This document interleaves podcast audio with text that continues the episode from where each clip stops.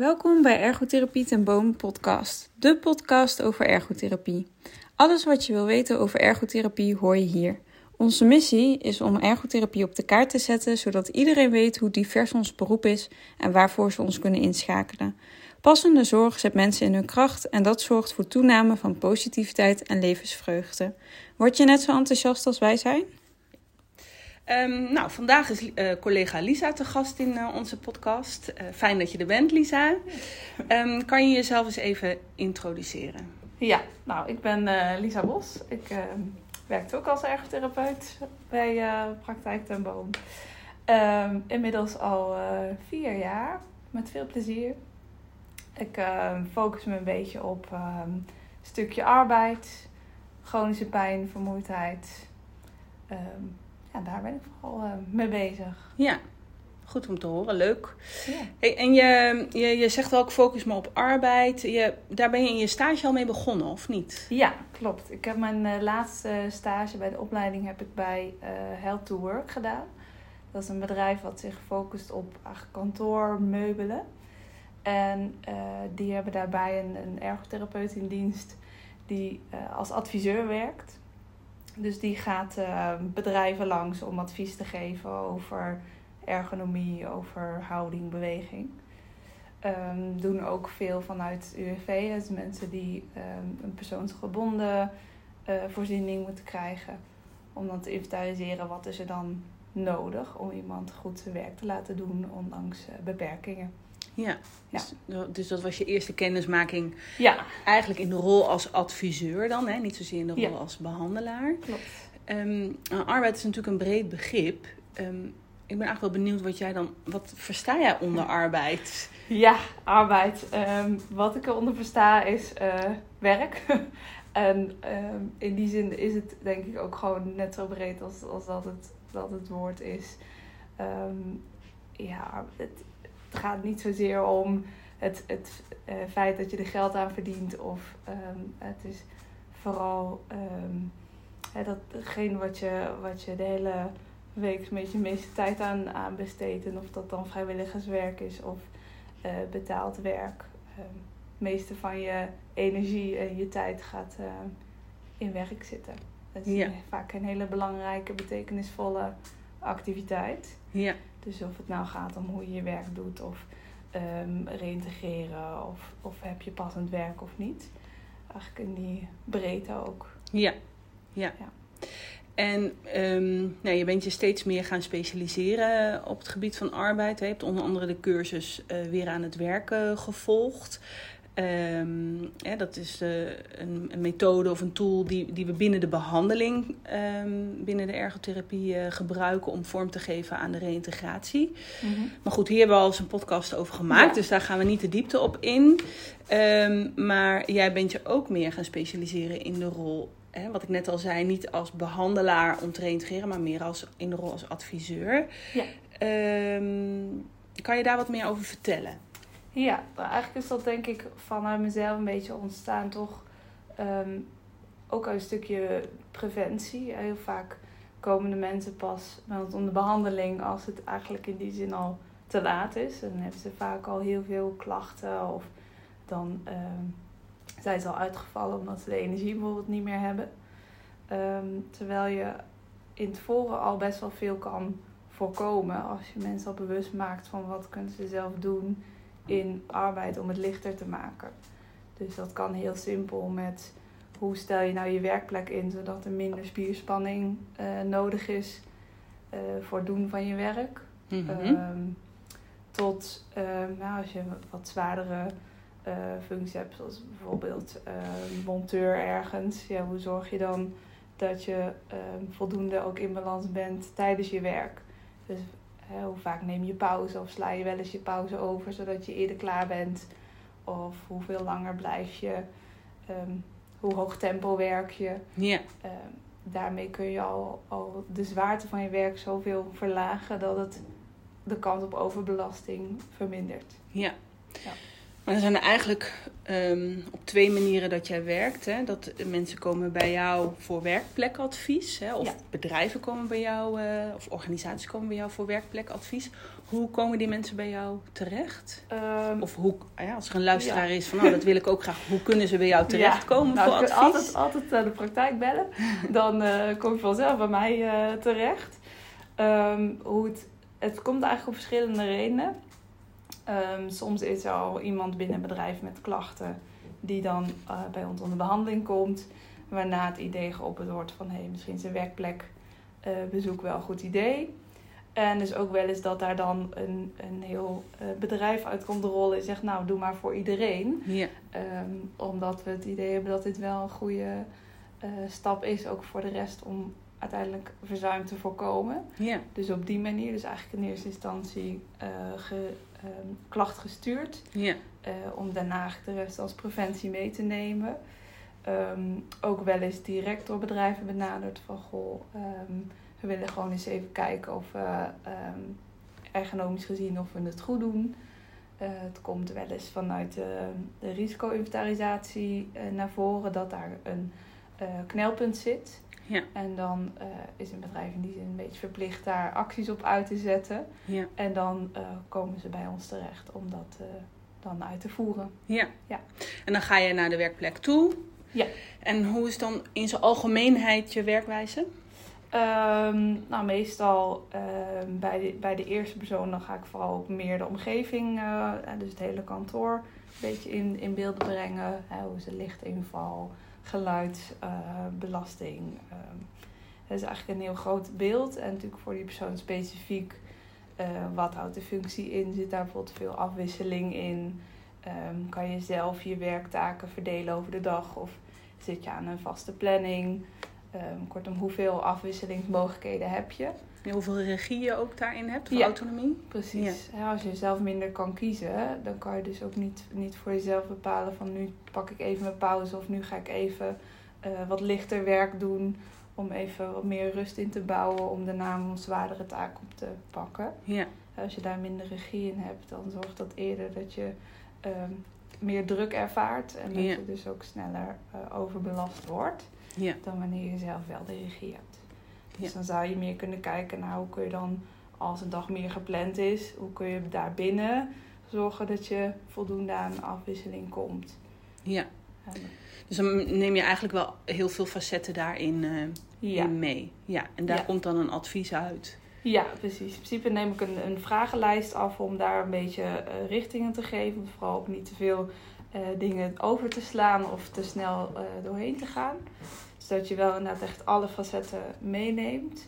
Ehm, en daarnaast gaan we natuurlijk altijd echt fysiek de werkplek instellen. Ja. Dus dan kijken we vooral wat voor mogelijkheden heb je. En welke stoel zit je, hoe, is- hoe is je bureau, hoeveel schermen gebruik je en hoe staat dat dan op dat moment. Ja. Om het dan eh, binnen de huidige mogelijkheden zo goed mogelijk in te stellen. Dan gaat het veel over eh, bureauwerkplekken. Ja. Ehm, heb je ook eh, andere settingen al gehad, eh, ehm, zoals, ze nu, zoals je het nu schetst, zeg maar, hoe de mensen op deze manier binnenkomen? Ehm, ik ben wel eens bij een, eh, iemand in de winkel geweest. die schouderklachten had. die dan bij de bovenste rek niet, niet goed kwam. Hebben we meegedacht van hoe kan je dan de omgeving aanpassen? Ehm, kan je hulpmiddelen gebruiken waardoor het minder belastend wordt. En dus toen kwamen we uit bij, bij een, eh, een bepaalde stok die ze dan eh, net op een andere manier ging gebruiken, waardoor haar schouder minder belast werd. Ehm, een, een sta-hulp bij de kassa, zodat ze dan niet te lang achter elkaar hoefden te staan. Dus ook als ze even pauze wilde nemen, maar wel in de winkel moest blijven natuurlijk. Dan kon ze daar even rustig gaan zitten, waardoor ze even wat meer rust in de werkdag had. Dus Ja. dat, daar ben ik geweest. Ehm, in, een, in een soort supermarktje waar iemand vakken moest vullen. Ehm, in, heb meegelopen bij een bedrijf wat keukens plaatst. Ja. Ehm, het is eigenlijk heel veel verschillende, verschillende plekken. ja. Dus En- niet alleen bureauwerkplek. Nee, precies. Nee. nee. Bij andere werkplekken is het natuurlijk qua um, werkwijze wel wat anders. En dan heb je geen standaard vragenlijsten die zeggen hier moet je op letten. Dus dan gaan we vooral overal eens langslopen en gewoon maar eens laten zien wat je moet doen, hoe je het nu doet. Om dan naar de mogelijkheden te kijken hoe kunnen we dat anders doen. Ja, ja, zodat klachten minder aanwezig zijn. Ja. ja. ja. En je had het net al over ehm, de keukenbranche, zeg maar. Ja. Dat is uh, via Revital gegaan, toch? We hebben samenwerking met uh, Revital Werk. Ja. Um, uh, daarop komen ook bedrijven binnen. Dus dan ga je samen met de fysiotherapeut ook bij het bedrijf langs. Maar dat is wel een andere, andere ja, tak van sport, Een zou ik bijna opzet. zeggen. Een andere Ja. opzet. Kan je daar Ja. wat over vertellen? Ja, dat zijn ehm, eigenlijk wel meer eh, projecten waarbij we ehm, werken aan een eh, toolbox, dus een, een soort eh, presentatie, waar ehm, met geschoold worden in fysieke belasting. Dus ehm, en dat specifieke bedrijf was ehm, waar we gingen meekijken met, met de monteurs, dus degene die eh, daadwerkelijk de keuken in een nieuw huis of in een renovatie plaatste. En daar hadden regelmatig eh, medewerkers klachten. Die kwamen dan eh, vaak via Revital ehm, in zorg terecht. En ehm, toen had het bedrijf eens contact opgenomen van hey, kunnen we niet ehm, vanuit Revital Werk een, een project opzetten om mensen bewuster te maken van, van het werk wat ze doen en de zwaarte daarvan.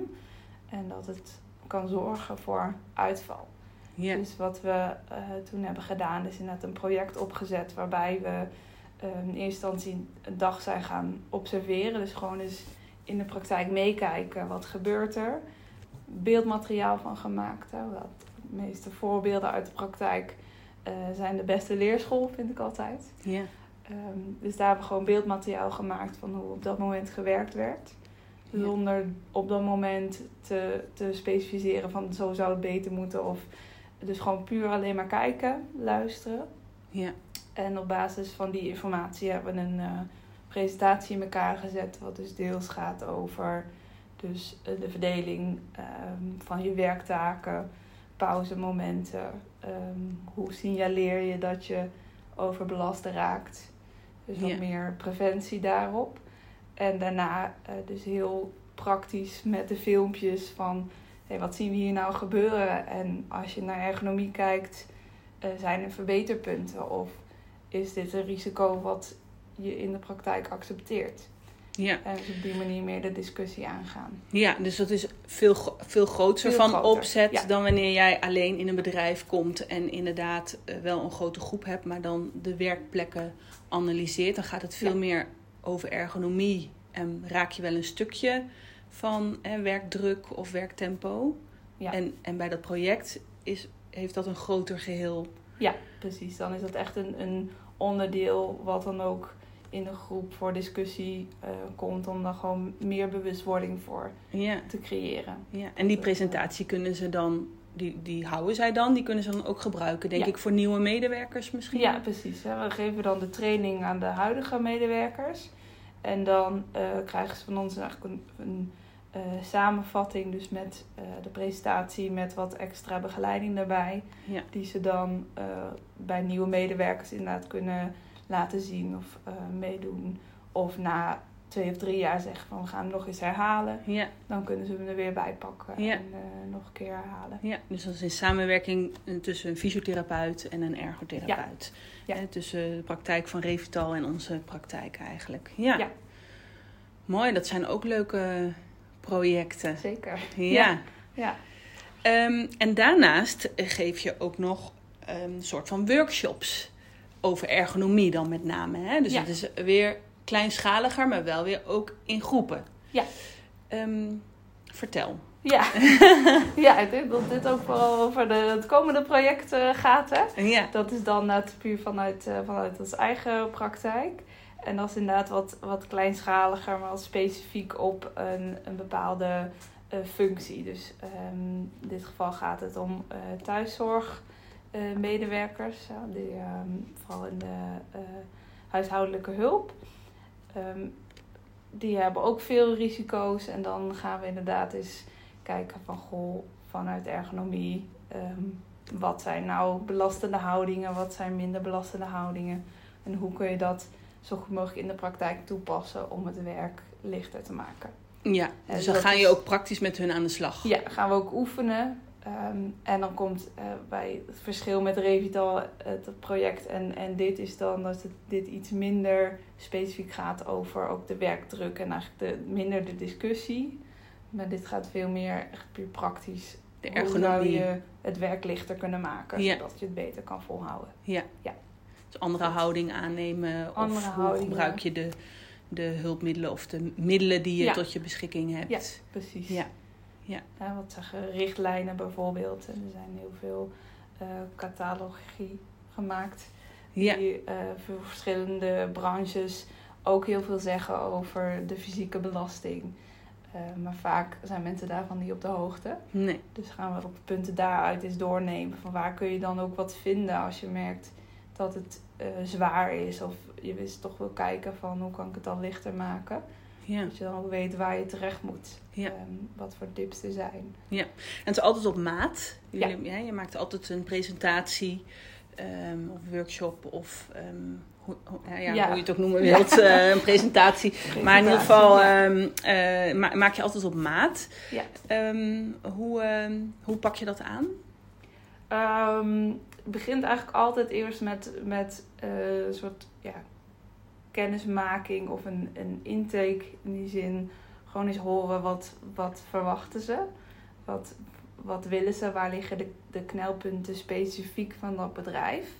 Je kan natuurlijk een hele algemene presentatie maken, die uitvoeren, maar dan, dan zie je vaak dat het toepassen in de praktijk um, dan eigenlijk niet lukt. Het is te, te algemeen, te abstract. Ja. Terwijl je juist wil dat wat je ze geeft, wat je wat je um, ze wil leren ook kunnen toepassen in de praktijk. En daarvoor moet je toch oefenen en moet je ook wel weten wat er dan in hun praktijk speelt. Ja. Dus ik um, begin ook in de presentatie altijd met hem, wat zouden jullie zelf willen leren of waar loop je zelf tegenaan? Ja. Zodat ze daar ook dieper op in kunnen gaan. Ja. In plaats van uh, zo is een goede houding, ga dat maar doen. Ja. En daarvoor heb je dus wel nodig dat je goed het bedrijf gaat kennen en de werkzaamheden van het bedrijf. Ja, en weet waar de knelpunten liggen. Ja. Als er geen probleem is, hoeven we er ook geen probleem van te maken. Precies, precies. ja. ja. Dus je geeft ze altijd een take-home message eigenlijk wel ja. mee, maar dan in de praktische vorm eigenlijk. Ja, ja. probeer altijd wel zo praktisch mogelijk te maken. Ehm, dat je ook tijdens de training al een beetje de, de overstap maakt van hoe kun je dit nou in de praktijk toepassen. En het meest gehoorde opmerking is natuurlijk altijd, ja, de theorie is leuk, maar in de praktijk kan het vaak niet. Ja. Um, en, en daar probeer ik dan echt die schakel te zijn van oké, okay, misschien volgt de, de, theorie in zijn geheel niet, ja. maar je kan wel delen daaruit pakken. Ja. En als je weet um, wat de reden is dat dat de theorie is, wat, waarom dat dan een betere houding is, dan uh, wordt het ook denk ik iets makkelijker om het dan ook toe te passen. Want dan weet je waar je het voor doet. Ja, dus het begint altijd bij bewustwording. Ja. En daarna is het kijken wat kan ik er dan uithalen. Hoe kan ik het dan ja. misschien niet op de beste manier, maar dan second best maar toch precies, toepassen. Elke verbetering is er één. Ja. En kan weer de risico op verzuim verminderen. Ja. Dus ook al pak je van, van alle uh, punten pak je er één. Ja, ja. Dat is al beter dan dat je er niks mee doet. Ja, verandering begint in kleine stapjes. Ja, ja. Dus ook, ja. En dan moet je zelf weten wat je dan kan veranderen. Ja. Anders wordt het ook moeilijk. Ja, ja. ja. Nou, je begon eigenlijk, hè, arbeid is heel breed. Maar hoe, hoe uh, jij uh, arbeid aanvliegt, hè, hoe, hoe we jou kunnen benaderen in de rol van adviseur, is eigenlijk ook heel breed. Ja. Hè, dus Even kort samengevat, op individueel niveau kan je werkplekadviezen geven, waarna je dat kan uitbreiden in een bedrijf, hè, uh, preventief. Ja. Um, je geeft workshops, presentaties aan bedrijven waarin het veel heel praktisch is. En dat is meestal dan niet de kantoor.